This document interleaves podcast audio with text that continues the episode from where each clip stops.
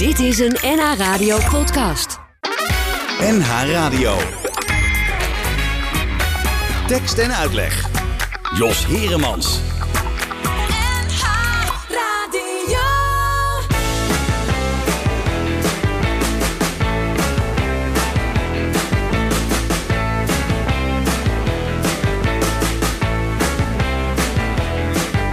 Je staat hier te kijken, ik heb het gezien, heb iets wat jij wil.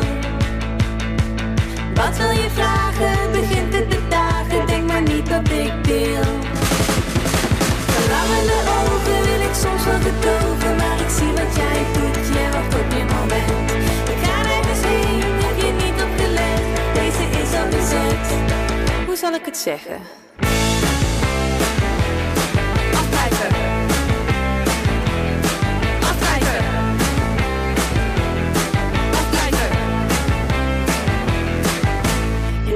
Proberen, maar je gaat nog wel leren hoe de dingen hier gaan. Ik zie je wel kijken, wat denk jij te bereiken, wat doe je jezelf aan? Verlangende ogen wil ik soms wel gedogen, maar ik zie wat jij doet, jij wacht op je moment. Ik ga nergens heen, heb je niet opgelet, deze is al bezet. Was ik niet duidelijk?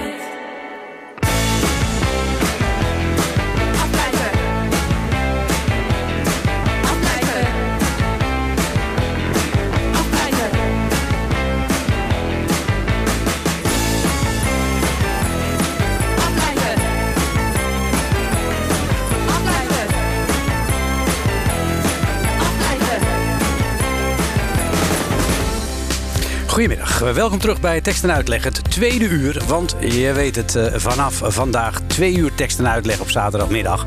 En eh, dat tweede uur begonnen we met eh, afblijven van eh, Clean Pete. Afgelopen zondag stonden ze nog eh, in de Tolhuistuin. Buiten, heerlijk in het zonnetje te spelen. Eh, dat is eh, onderdeel van een serie die iedere zondagmiddag te zien is in de Tolhuistuin in Amsterdam. Daar treden alle artiesten van het merk, om het zo maar eens te zeggen, het label Excelsior op. de hele zomer door. Dus iedere zondagmiddag kun je naar de Tolhuistuin in Amsterdam. Lekker in het zonnetje zitten. Je kunt je kinderen meenemen, want het is een hele relaxe sfeer. En ondertussen treden er allerlei bands op. En degene die het spits afbeten was dus Clean Pete met het nummer Afblijven. Het tweede uur eh, gaan we praten met eh, Emily Rekers. En eh, Emily Rekers die, is scenariste, maar ze heeft nu ook een boek geschreven. En dat boek heet Wij zijn vrij. Goedemiddag, Emily. Hallo Jos. Ja, nou, daar ben je dan op de radio. Ja, superleuk. En ehm, ja, we moeten het maar eens over jouw boek gaan hebben. Laten we daar eens mee beginnen. Ehm, de titel Wij zijn vrij. Waar komt die vandaan? Ehm, het is eigenlijk een zin die gezegd wordt door een van de personages in het boek. Mhm. En eh, mijn redacteur was zo eh, ja, helder van geest om die zin te markeren en mij mijn titel te geven. Ja, ja want eh, nou ja, laten we maar meteen beginnen met de personages van jouw boek, zodat we een mooie insteek hebben. En we gaan het verder ook nog wel even hebben over wat jij allemaal nog meer doet. Nou, laten we daar eigenlijk maar meteen mee beginnen. Want voordat jij dit boek schreef, eh, schreef je ook wel andere dingen, maar geen boeken. Wat deed je wel? Eh, ik eh, heb filmacademie gedaan, dus Mhm. ik schrijf scripts voor film en serie. Mhm.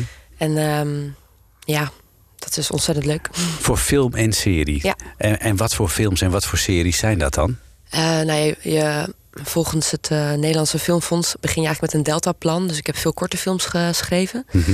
En eh, die komen dan op filmfestivals. eh, ja, Komen die uit? ja, komen die uit en Ja. worden ze vertoond. Ja. En ehm 50 minuten film op NPO gemist kan je dat allemaal terug vinden. Ja, en, en wat, ja, maar wat voor soort, ik ben zo benieuwd, wat voor soort films zijn dat dan? Zijn dat eh, detectives, zijn dat liefdesverhalen, zijn dat eh, diep psychologische thrillers? Ja, toevallig eh, twee keer een body horror film. Een body horror Ja. film. Oh, dan moet je even dat genre, dat ken ik niet zo goed. Vertel eens, wat is dat?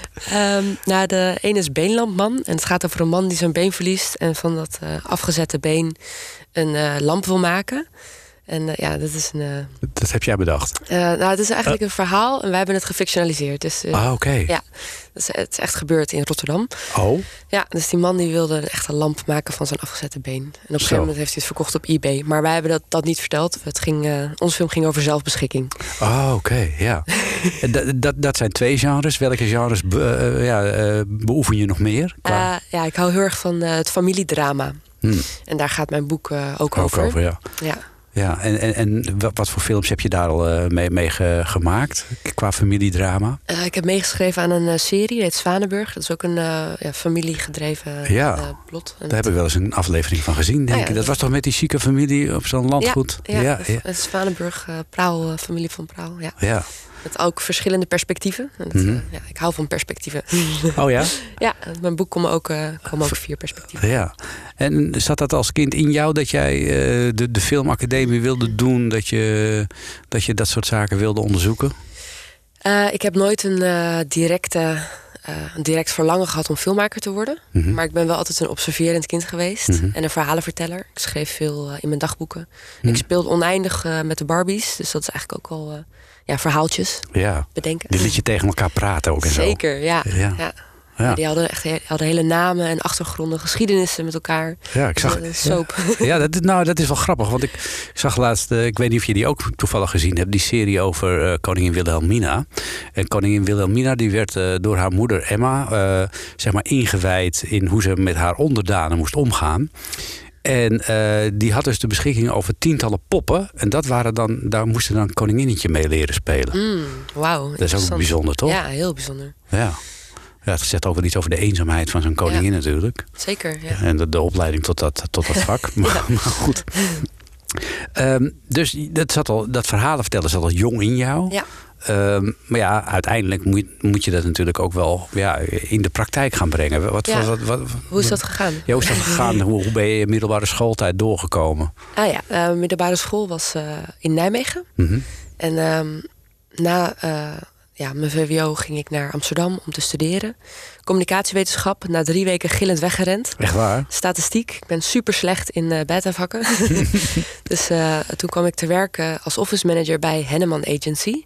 En dat is het agentschap waardoor ik nu ook vertegenwoordigd word. Ja, dat, dat, die hebben allerlei artiesten in hun, in, hun, zeg maar, in hun portefeuille zitten. En daar doen ze de PR en dergelijke voor. Hè? Precies. En eh, de bazin van Henneman is Vanessa Henneman. En zij zag iets in mij, want ik was op mijn negentiende ook een romanticus die haar gedichten schreef. eh, en, eh, over de wereld, hoe ik het zag.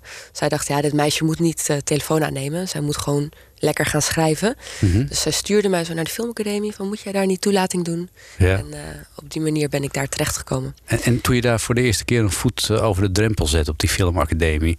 eh, had je toen een soort eh aha-erlevenis van dit is mijn wereld? Nee, nog helemaal niet. Ik was zo bleu als maar zijn kan. Ik wist niet wie Tarantino was. Mhm. Dus eh, ik moest echt groeien. En ehm, pas na de filmacademie begreep ik eigenlijk het verhaal dat ik wil vertellen. Ja. En ja, dat is, ik ben daar wel echt ingegroeid. Ik ben nu bijna 30. Mhm. En Volgens mij ben ik nu de schrijver die ik wil zijn. Of aan het, aan het worden die ik wil zijn. ja, nu komt eruit eh, wat, wat je altijd al eh, zeg maar, eh, onder, de, onder Ja. de vulkaan voelde. ja, ja, zeker. Ja. Ja. En, en had je niet, niet het idee dan ook van ja, wat ik wil vertellen, dat wil ik ook laten zien. Dat je dus ook zelf wilde filmen? ja, zeker. En ik heb ook een korte film geregisseerd.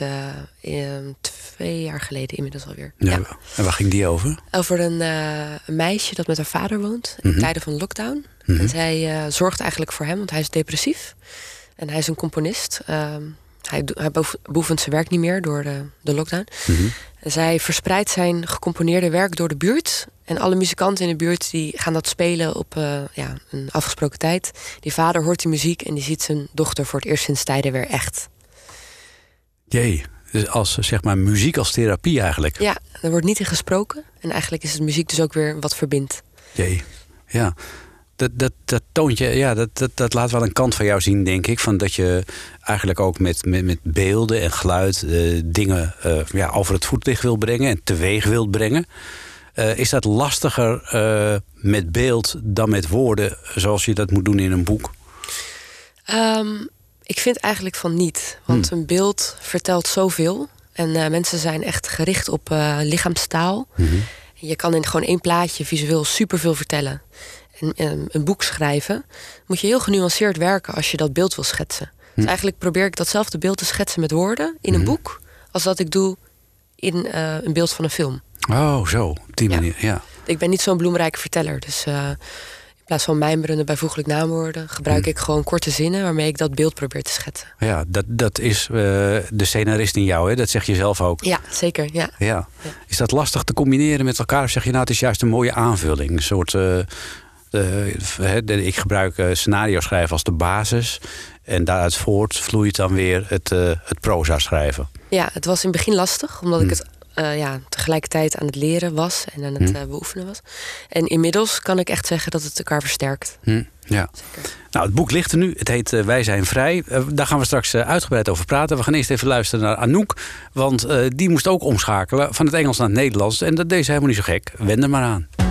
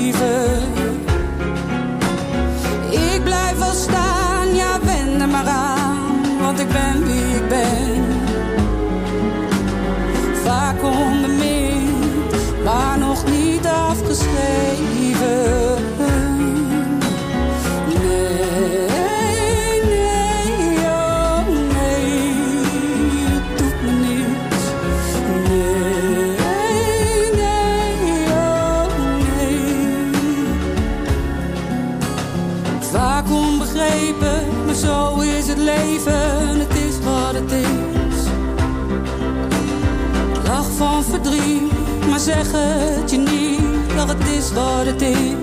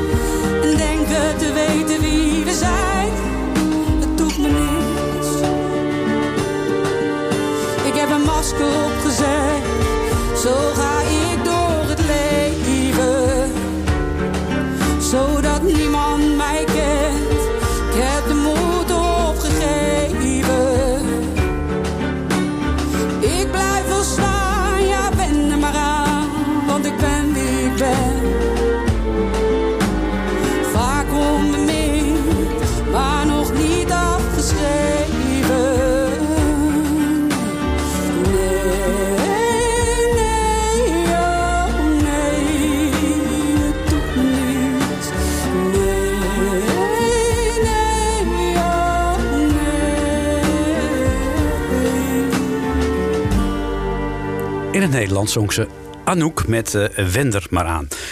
We praten met uh, Emilie Rekers. Zij schreef het boek uh, Wij zijn vrij. Dat is haar uh, debuutroman. Ze is ook scenariste van diverse films en series. Maar nu is er dus dat boek en is er dus sprake van proza. Ja.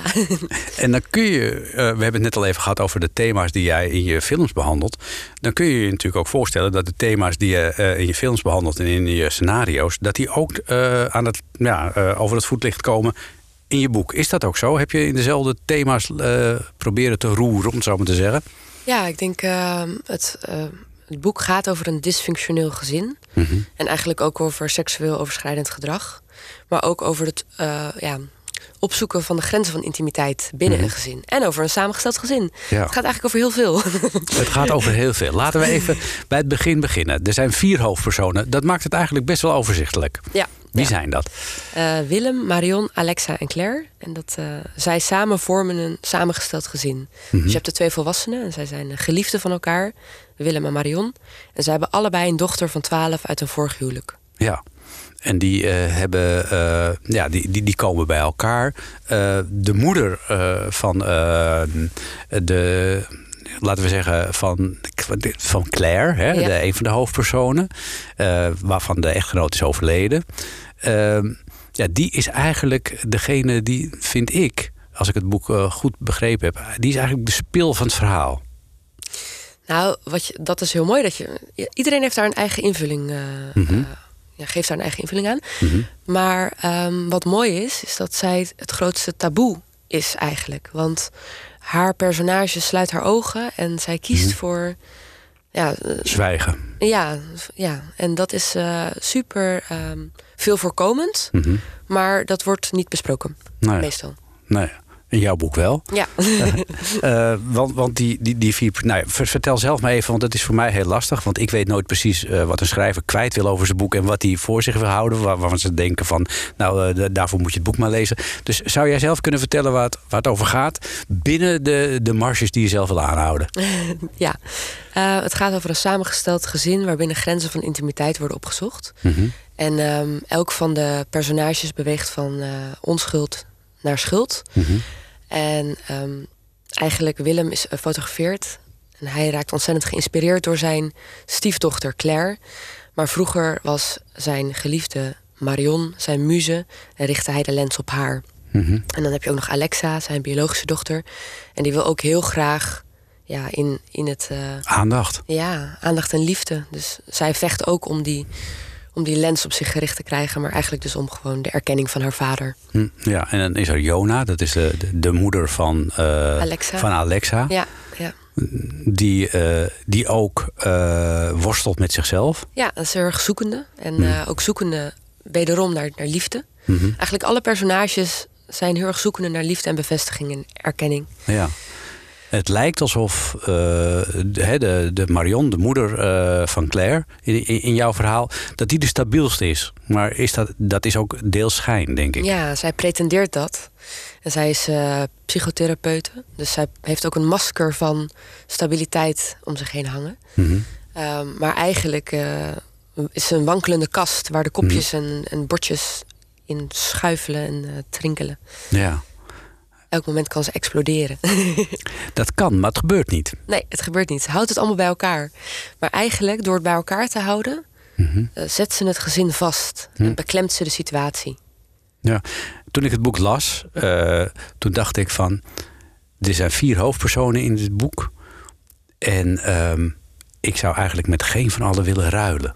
Nou, dat is, dat is heel mooi. Want dat betekent in ieder geval dat alle vier evenzeer beklemd zijn geworden. En dat Mhm. was mijn doel ook. Ja. Om echt een uh, dysfunctionele familie die elkaar vanuit angst, maar Mhm. in overtuiging dat het liefde is, vasthoudt. Ja, maar zoiets, er moet iets in jou zijn dat dit bedenkt. Ja. En, en, waar komt dat vandaan? Heb je zelf dergelijke ervaringen? Uh, Ja. heb, je, heb je veel boeken hier omtrent gelezen? ja, ik, uh, het, laten we vooropstellen dat ik een fijne jeugd heb gehad. Mhm.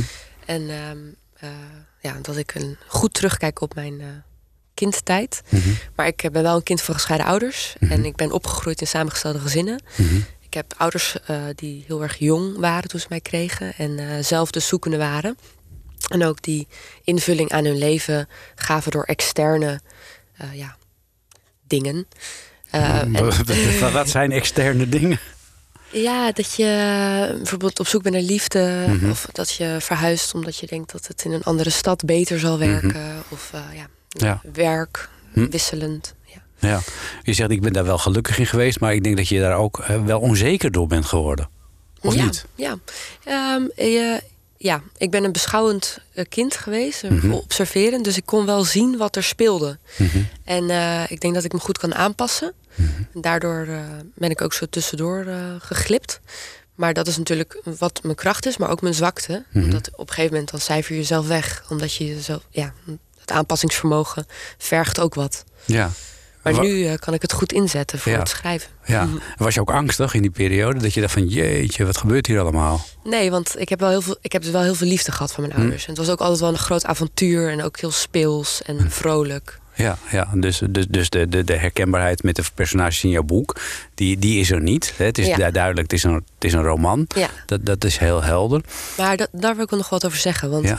ehm, ik begrijp heel goed hoe het voor een ander kind niet pe- pedagogisch verantwoord had kunnen zijn. Mhm. En dat heb ik eigenlijk ook willen eh, laten zien met het boek, met de karakters. Mhm. Dat je zomaar in zo'n situatie kan belanden eh, met alle goede intenties van de wereld. Ja. En ehm, ja, ik heb me laten inspireren door bepaalde dingen uit mijn eigen leven, maar ook uit verhalen en boeken die ik heb gelezen. Ja. En dat vormde samen deze wereld. Maar het staat wel degelijk los van mijn. eh, Ja. Het is een beetje moeilijk om eh, eh, aan te geven eh, in welke tijdsperiode jouw boek speelt. Aan de ene kant denk je van nou, het zou de jaren 60 kunnen zijn, gezien de, de vrijheid op seksueel gebied. Maar dan duikt er opeens toch een mobiele telefoon op. dus, dus dan denk ik, nou, misschien jaren 90, begin 2000. Nou, in ieder geval voor het internettijdperk. Ja, dat klopt. Ja. Het is eigenlijk begin 2000, dus net internet, maar we nog Mhm. inbellen. En ehm, dat heb ik zo gekozen omdat die fase, toen kon je nog onzichtbaar zijn. Hm. En je kon nog ontsnappen aan eh, het hele sociale media circus, wat er Ja. nu eh, ja, ook is. En Ja.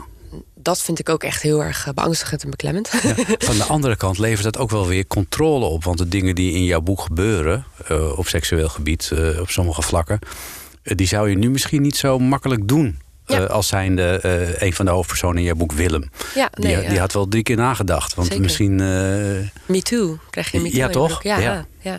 ja. Er is nu door de, ja, er is veel meer controle inderdaad. En er is Mhm. ook veel meer kennis voor de jeugd. Maar dat maakte ook dat ik het in de jaren 90, begin 2000 heb laten afspelen. Omdat ik zoveel meer vrijheid kon permitteren door ja, eigenlijk mijn eigen ervaringen als tiener daarin te verwerken. ja. We duiken straks nog even dieper jouw boek in. Eh, het is morgen moederdag, weet je dat? Nee, wist ik niet. Ja. En daarom eh, Alex Roeka met een eh, lied, ja, een ode aan zijn eigen moeder.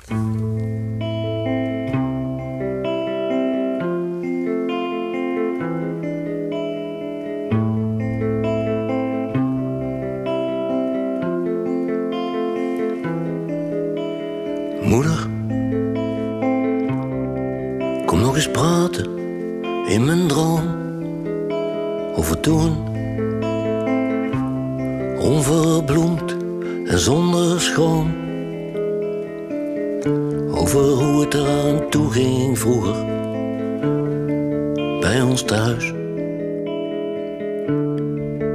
Wat er broeide in dat huis. Moeder, kom nog eens zitten in uw stoel. Praten over uw verzwegen gevoel. Dat al die drank en herrie helemaal niet uw wereld was. Dat u liever een ander leven had gehad. Als u komt, maak ik vuur. Er ligt nog hout zat in de schuur. Ga niet weg voordat het gloort en alles is gezegd. Over hoe we elkaar niet zagen in de overvloed. Hoe uw hart stilaan is het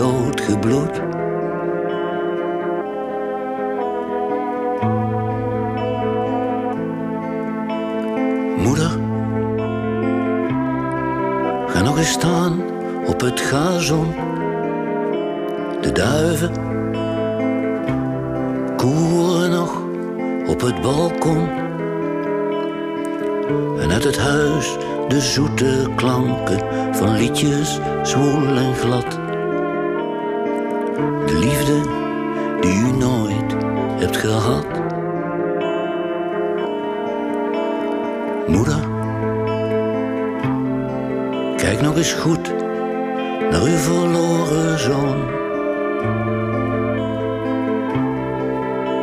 Verkleurde rest van een vergeten droom. Zijn inmiddels allebei al zoveel kwijtgeraakt. Dat we voor elkaar zijn vrijgemaakt. Als u gaat, wacht dan even. Ik wil u in mijn armen nemen. Als eerste van u afgedreven, nu dicht tegen u aan. Om die diepe band te voelen, onder al het praten. En u te kunnen laten gaan.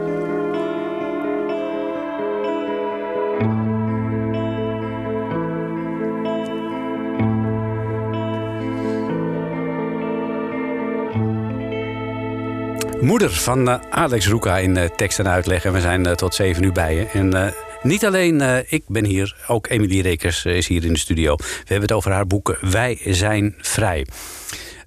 Jij bent ook vrij opgevoed, terwijl wij gezellig naar Alex Roeka zaten te luisteren, heb ik begrepen. Ja, mijn vader die werkte in de porno-industrie in de jaren negentig. Ja. Met de opkomst van internet.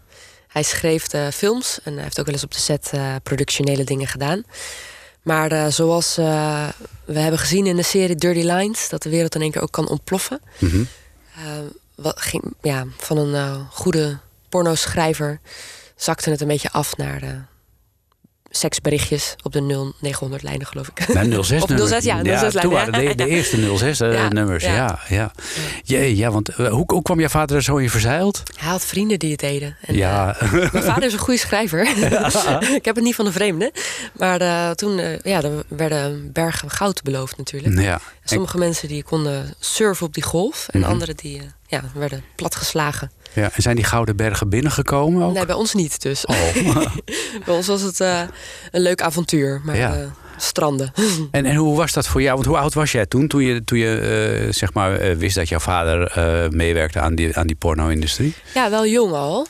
Echt al een klein, ja, klein kind. Dat ik wel begreep van, oh ja, mijn vader schrijft sprookjes voor grote mensen. Hmm. En dat mocht ik dan ook zeggen in de klas. Als de juffrouw vroeg van, uh, wat doet je vader? Ja. En dan zei ik dat. En dan begreep geen enkel kindje wat dat inhield. Maar de juffrouw moest gniffelen. Oh ja? Ja, ja dat, dat was al via het schoolplein de school binnengekomen Ja. waarschijnlijk. Ja, en dan ook, ik vertelde eens mopjes of zo... die een beetje Mm. seksueel getint waren... waarvan ik totaal geen idee had wat het inhield. En Ja. de juffrouw wel. Ja. Maar het was niet zo dat je daardoor eh, eh, schaamtegevoelens had. Eh, nee, dat kwam pas later, toen ik een tiener was. Omdat je, kijk, qua kennis was ik al verder, maar ervaring natuurlijk totaal niet. En Mhm. je gaat zelf grenzen opzoeken. En die grens ga je dan ook makkelijk over, omdat je denkt dat je al ergens bent waar je nog Mhm. niet bent. En eh, precies dat gevoel heb ik ook al geprobeerd mee te nemen in mijn roman. Ja. De personage Claire Mhm. gaat, is, ja, gaat eigenlijk veel te vrij om met haar eigen seksualiteit. Ja. Maar eh, daar raakt ze wel door in de knel. Ja, ja, zeker. Had jij, had jij datzelfde gevoel ook dat je dacht dat dat kon... omdat jouw vader daar zo openhartig over sprak en schreef? Ja, en ik, ik merkte ook wel dat, je, dat ik bevestigd werd. Mhm. Of nou, niet per se ikzelf, maar eh, aantrekkelijke vrouwen of seksueel eh, getint gedrag werd best wel eh, goedgekeurd. Of dat was, dat was mooi of dat aantrekkelijk. En eh, als kind En zocht- stoer ook. Ja, ook stoer, ja. En eigenlijk is dat natuurlijk ook best wel feministisch van een vrouw Mhm. die kan genieten. Maar als je op het schoolplein eh, als 13-jarige zoiets uitdraagt, ja, dan word je gewoon geroost en Mhm. afgemaakt. Ja, ja, en tegenwoordig helemaal natuurlijk. Als, je, als daar ook nog filmpjes van op het internet verschijnen natuurlijk. Ja, ja dat eh exposen, dat is echt verschrikkelijk. Ja, En daar ja. ben ik gelukkig van vrijgebleven. Mhm. Maar ja, dat gevoel van ehm, eh, bevestiging Ja. zoeken. Dat Vonden ze jou een vrijgevochten meisje? Jouw, jouw vriendinnen en vrienden? Hadden, hadden ze zoiets van... eh, die Emily die, eh, die doet dingen die wij niet durven? Ik denk het ja. ja. Hm. En daar, dat vond iedereen spannend. Mhm. En eh dan werd dan ook wel, ja, die grens werd ook bij mij opgezocht, hoe ver Hm. ik wilde gaan. Hm. En als tiener dan eh, kan je ook gewoon ontzettend op je bek gaan. Ja, je kan, ja, ja, ja, maar je kunt ook bepaalde dingen gewoon nog niet overzien, ook op die leeftijd natuurlijk. Dat speelt Zeker. natuurlijk ook een rol. ja. Ja. Ja. Ja, het is gelukkig eh, heb ik niet hele schandalige dingen meegemaakt, maar, maar ik heb Geen me wel ding- laten inspireren daardoor. Ja, ja, maar je, hebt geen dingen gedaan waar je later spijt van had. Nee, ik heb in ieder geval overal van geleerd, laat dat zo zeggen. Oh ja, ja, ja, ja, ja. Nou ja, dat hoort natuurlijk ook bij het leven. Je, moet, ja, je, je, je stoot je neus af en toe en met schade en schande word je volwassen natuurlijk. Ja, klopt. Ja. Nu ben je zelf moeder, toch? Ja, een eh, babytje nog van Ach. 4,5 maand. Ach, Ja, een zoon. Dat Ja. Zo'n schatje. ja, ja. Elke dag smelt ik weg van verliefdheid.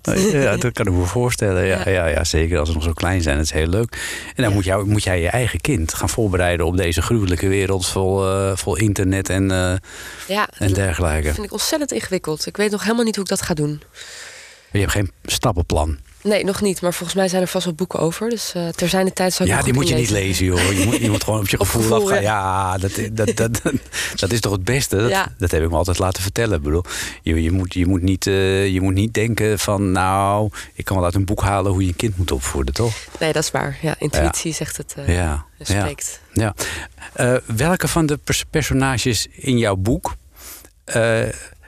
komt het dichtst bij jou in de buurt? Is jou het liefst? Ehm, nou, ik eh, kan me heel erg identificeren met Alexa, de Mhm. dochter die terugkomt en bij ehm, ja, het gezin van Willem komt wonen. Want ehm, eh, ik was ook de biologische dochter die Mhm. in een, het gezin van mijn vader weer terugkwam. Dus dat gevoel van schakelen tussen gezinnen is mij heel erg bekend. Oh, jij bent dus ook eerst bij je moeder geweest... en toen kwam je terug in het nieuwe samengestelde zin, gezin van je vader. Ja, ja. Ja. maar ook het personage Claire, Mhm. eh, ja, daar kan ik me goed in vinden. En precies om wat we net eh, hebben besproken. Ja. Dus het eigenlijk het Dat vrijgevochten seksuele gedrag. Ja, en Ja. ook, ja, dat zoekende zijn. En ook Mhm. niet weten wat je met je lichaam aan moet. Mhm. In één keer heb je borsten en billen. En eh, daar vindt iedereen wat van. En dat, ja, daar moet je maar mee omgaan. Maar ja, tegelijkertijd zit er ook wat van mij in Marion en Willem. En anderzijds lijken ze allemaal helemaal niet op mij. Nee. Dus dat is ook wel fijn. Dat het gewoon echt aparte eh, Ja. mensen zijn. En, Los. en, en, Alexa gaat met haar moeder naar Japan ook. ja, nee, Om, om de liefde van Alexa Ja. te volgen. van Jona. Ja. Oh, van Jona, sorry. ja, eh, ben, je, ben je toevallig ook in Japan geweest? Een tijdje? Ja, ja, ik ben in Japan geweest, maar niet met mijn moeder. Oh. En al als volwassen vrouw. Dus dat was eh, een andere situatie. Maar ik ben wel, eh, ik heb op Curaçao gewoond. eh, Oh. Met mijn moeder en haar vriend en mijn broertje. En toch teruggekomen? Toch teruggekomen, ja. Ja. Vanuit het paradijs van de Ja. Cariben? ja, dat was wel een hele mooie ervaring als kind. Om daar Ja. Hoe lang ben je daar geweest? twee jaar. Twee jaar. En toen had je zoiets, nou nu wil ik wel weer terug naar Nederland. Ja, toen kreeg mijn moeder een andere baan. Dus die Ah, ging toen- weer terug. dus je moest, toen ging je weer met je moeder mee? Ja, en, Ja. en haar vriend en, En- mijn broertje. Ja. Ja, ja. Jee, wat heb je eigenlijk een, een eh, afwisselend leven achter de rug. Ja, ik zo zou, zou denken dat ik er boeken van moet schrijven. of Nou ja, dat, eh, er zit in ieder geval wel een goed verhaal in. Eh, we gaan even luisteren naar eh, Gerson Meen. met Net Genoeg. Vind ik een heel leuk nummer eigenlijk. Kwam ik toevallig tegen. Eh, en dan gaan we zo eens even nog iets dieper op jouw boek in. Je zit daar zo diep in gedachten, dus ik denk voorzichtig met je mee. En oh, al mijn steun kun je volledig verwachten. Alleen is dat niet zo gek veel. Je hebt me niet nodig, je hebt al duizend keer gevochten. Je zou zelfs winnen als je fout zit.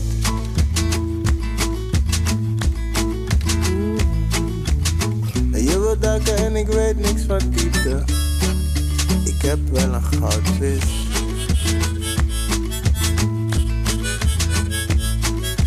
Zeg gewoon dat het net genoeg is. Zeg gewoon dat het net genoeg is. Zeg gewoon dat het net genoeg is. En het liefst nog ietsje meer.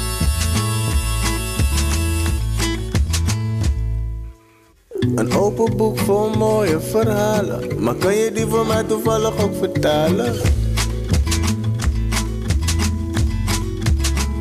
Desnoods ga ik mee met verdwalen. Ik heb een tomtom voor als het misloopt. Mm, Zeg gewoon dat het net genoeg is. Zeg gewoon dat het net genoeg is.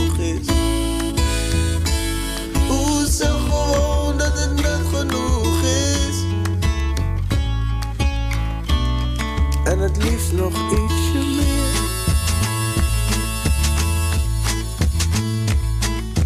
Lief gestadig gebalanceerd,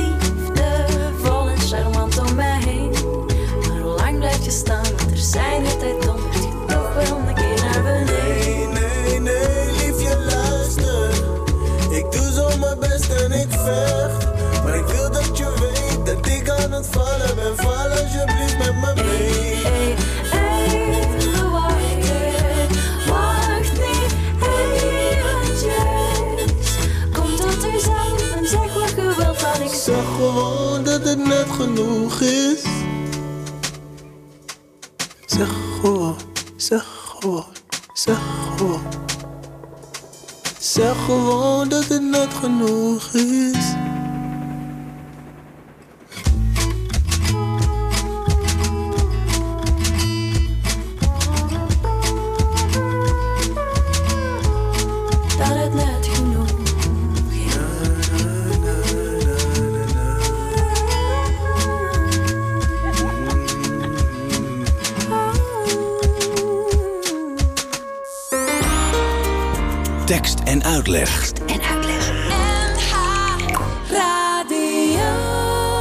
En in de tweede uur van eh, tekst en uitleg is eh, Emily Rekers eh, te gast. We praten over haar boek Wij zijn vrij.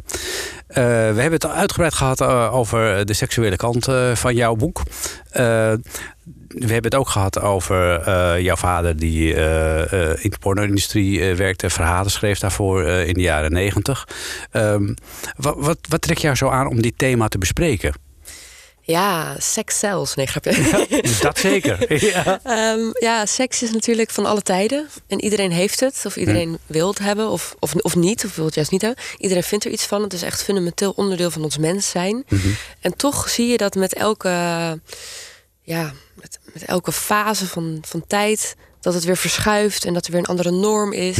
Eh, Hoe zou je de huidige tijd willen omschrijven qua, qua seksuele normering? best een beetje behouden. Mhm. Eh, tegelijkertijd zie je ook dat mensen weer openlijk over de dildo's en de vibrators spreken die ze in huis hebben. Ja, eigenlijk is dat gek. Hè? Ja. Daar praten we wel over, maar topless op het strand, dat kan dan weer niet. Ja, het is heel erg eh, duaal eigenlijk, vind Ja. ik.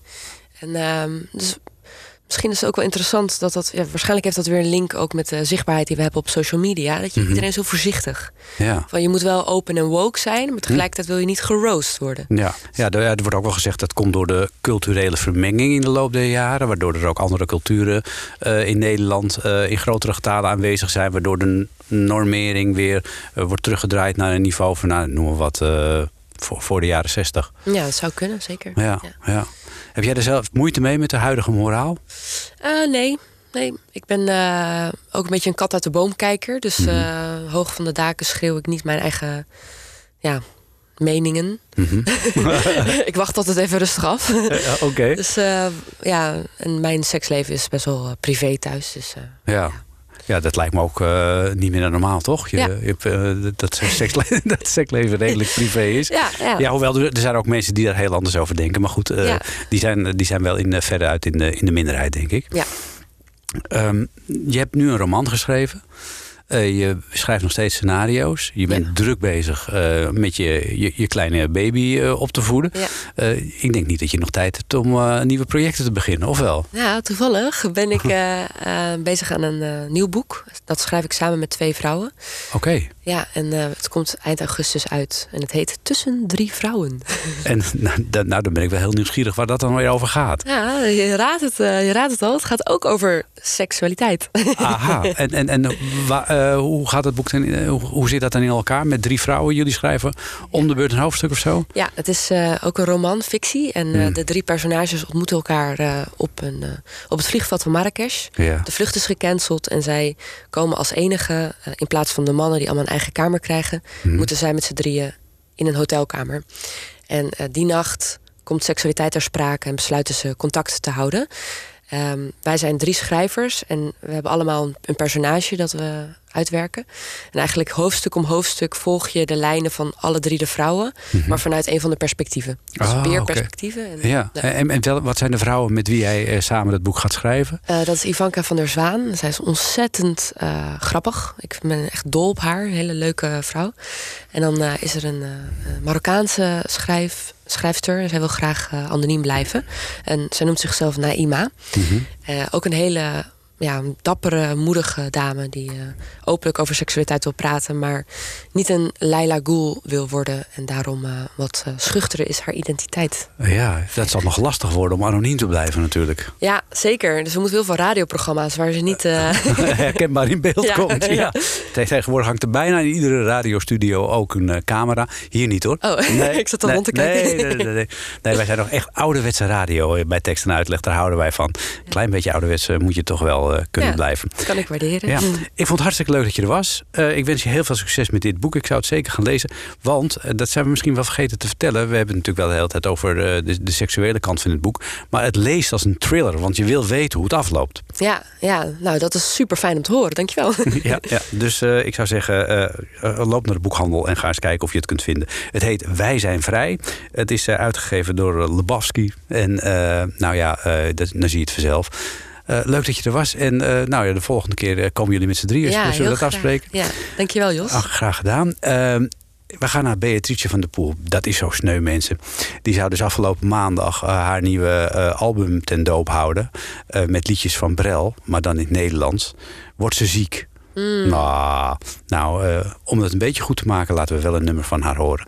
Nou ja, iedereen kent dit, maar in de uitvoering van Beatrice van der Poel klinkt het toch weer net even anders. Laat me niet alleen.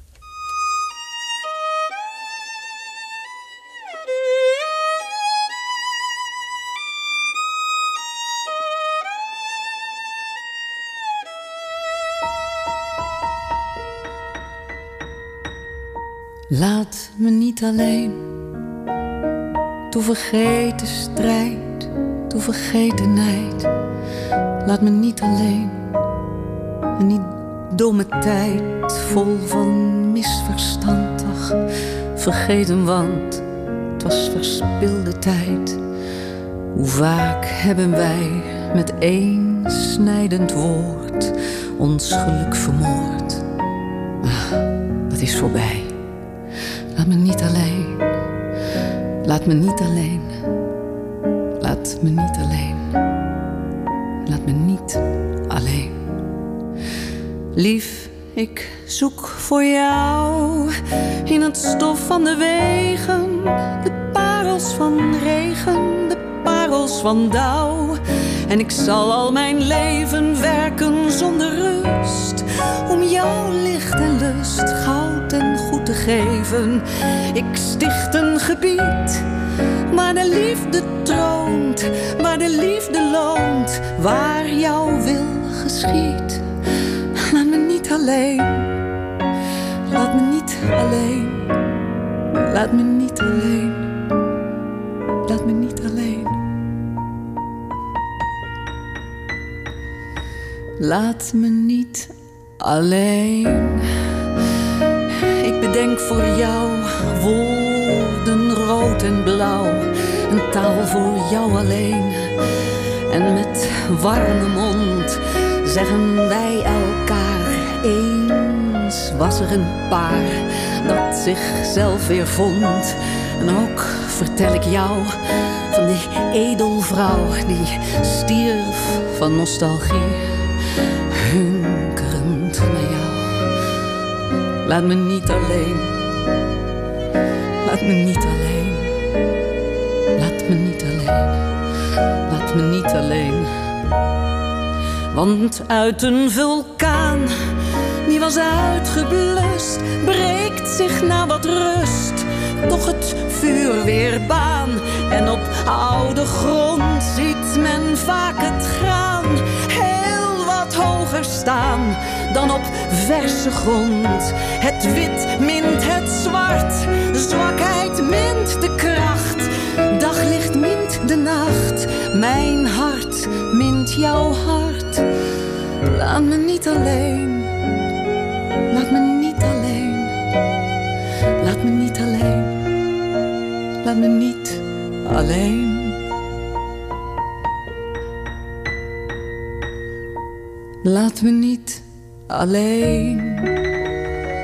Nee, ik huil niet meer. Nee, ik spreek niet meer. Want ik wil alleen horen hoe je praat. Kijken hoe je lacht. Weten hoe je zacht door de kamer gaat. Nee, ik vraag niet meer. Ik wil je schaduw zijn. Ik wil jouw voetstap zijn. Ik wil je adem zijn. Laat me niet alleen. Laat me niet alleen. Laat me niet alleen. Laat me niet alleen.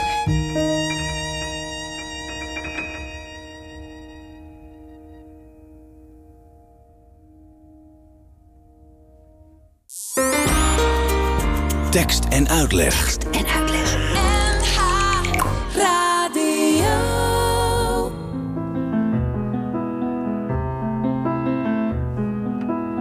Jojo.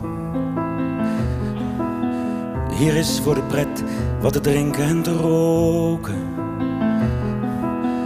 Wie wil nu naar bed?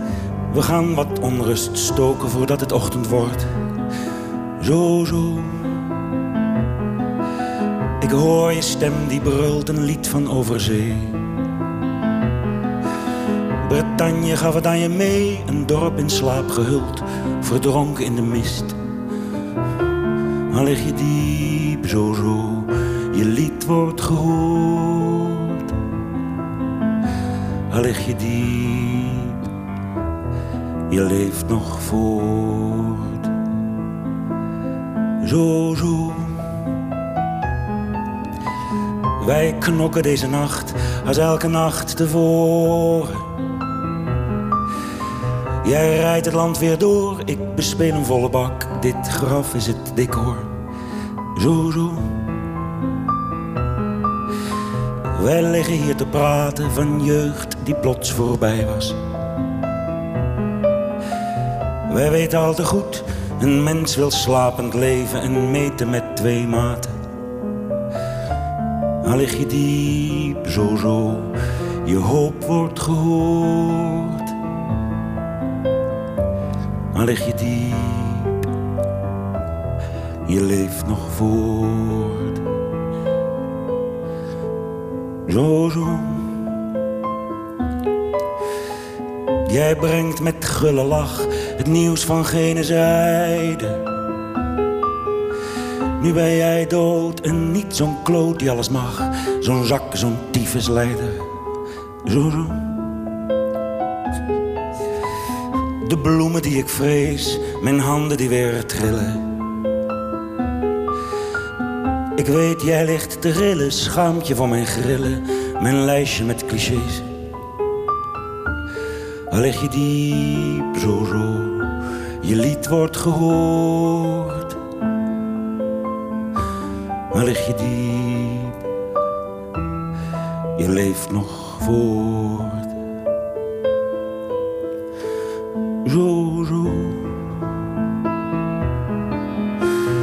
Dag brengt nieuwe zaken, ik moet wat vrienden spreken. Ze dronken zich haast dood, hun hart was veel te groot. Ze konden het niet maken. Zo, zo. Ik ben compleet verweest, ik leef in onze dromen. Ik ben er haast geweest, slechts deze troost stelt mee dat ik je na zal komen. Lig je diep, zo zo, je lied wordt gehoord. Al lig je diep, mijn lief, je leeft nog voort. En toen we in de sfeer zaten van eh, Jacques Brel met eh, Beatrice van der Poel, dacht ik van nou, dan ga ik ook nog even op zoek naar een eh, mooi oud nummer van Jeroen Willems. Hij is ons helaas ontvallen. Maar zijn uitvoering van Jojo van Brel blijft toch altijd prachtig mooi. We gaan door met Rosa da Silva.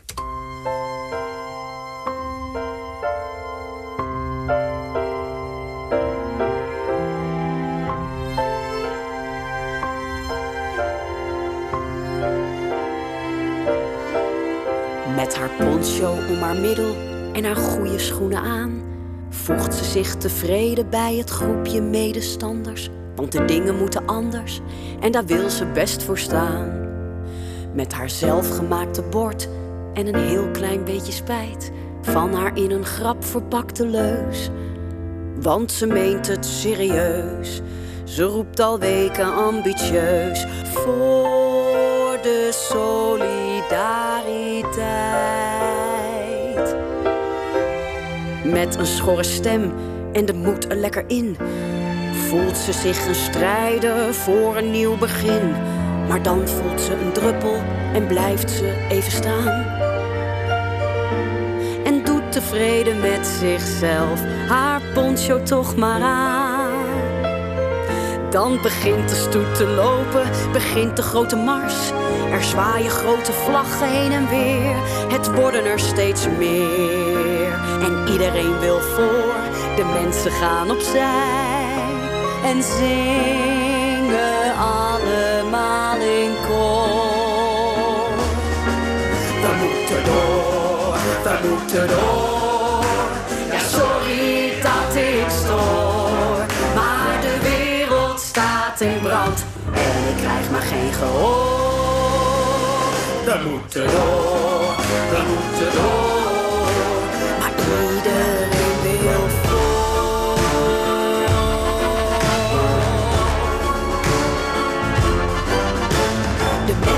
Willen dansen, maar de massa is te groot. Iemand geeft haar plotseling per ongeluk een stoot. Ze waren met te weinig, maar nu zijn ze met te veel. Ze wil wat luchten, maar de drukte grijpt er naar de keel. En zo goed zoals het gaat, perst de solidariteit zich door een nette smalle straat.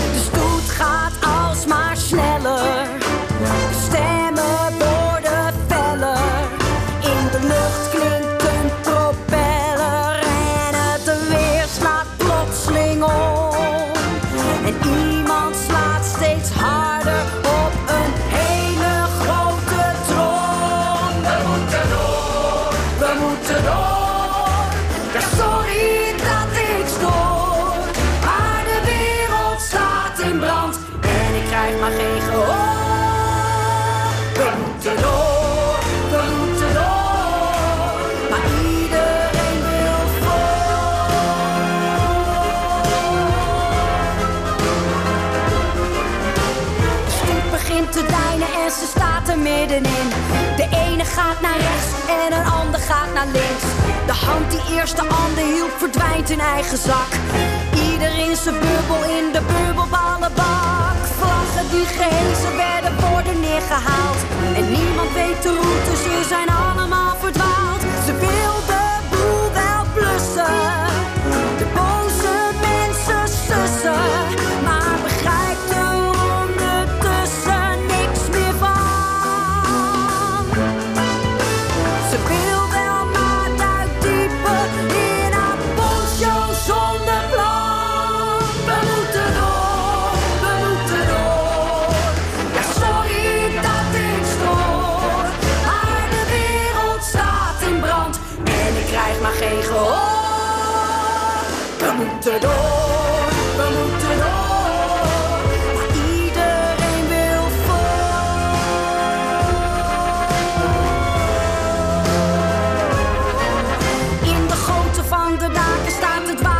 rand.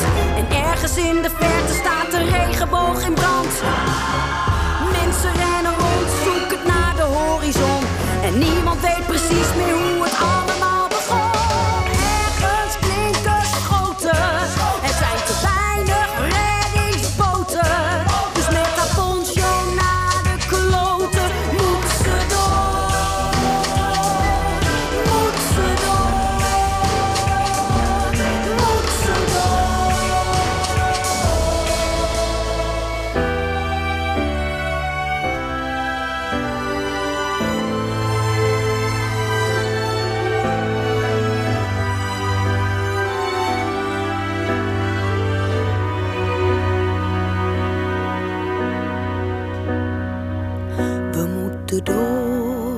door, we door. Ja, sorry dat ik stoor. We moeten door, we moeten door, we moeten door, we moeten door.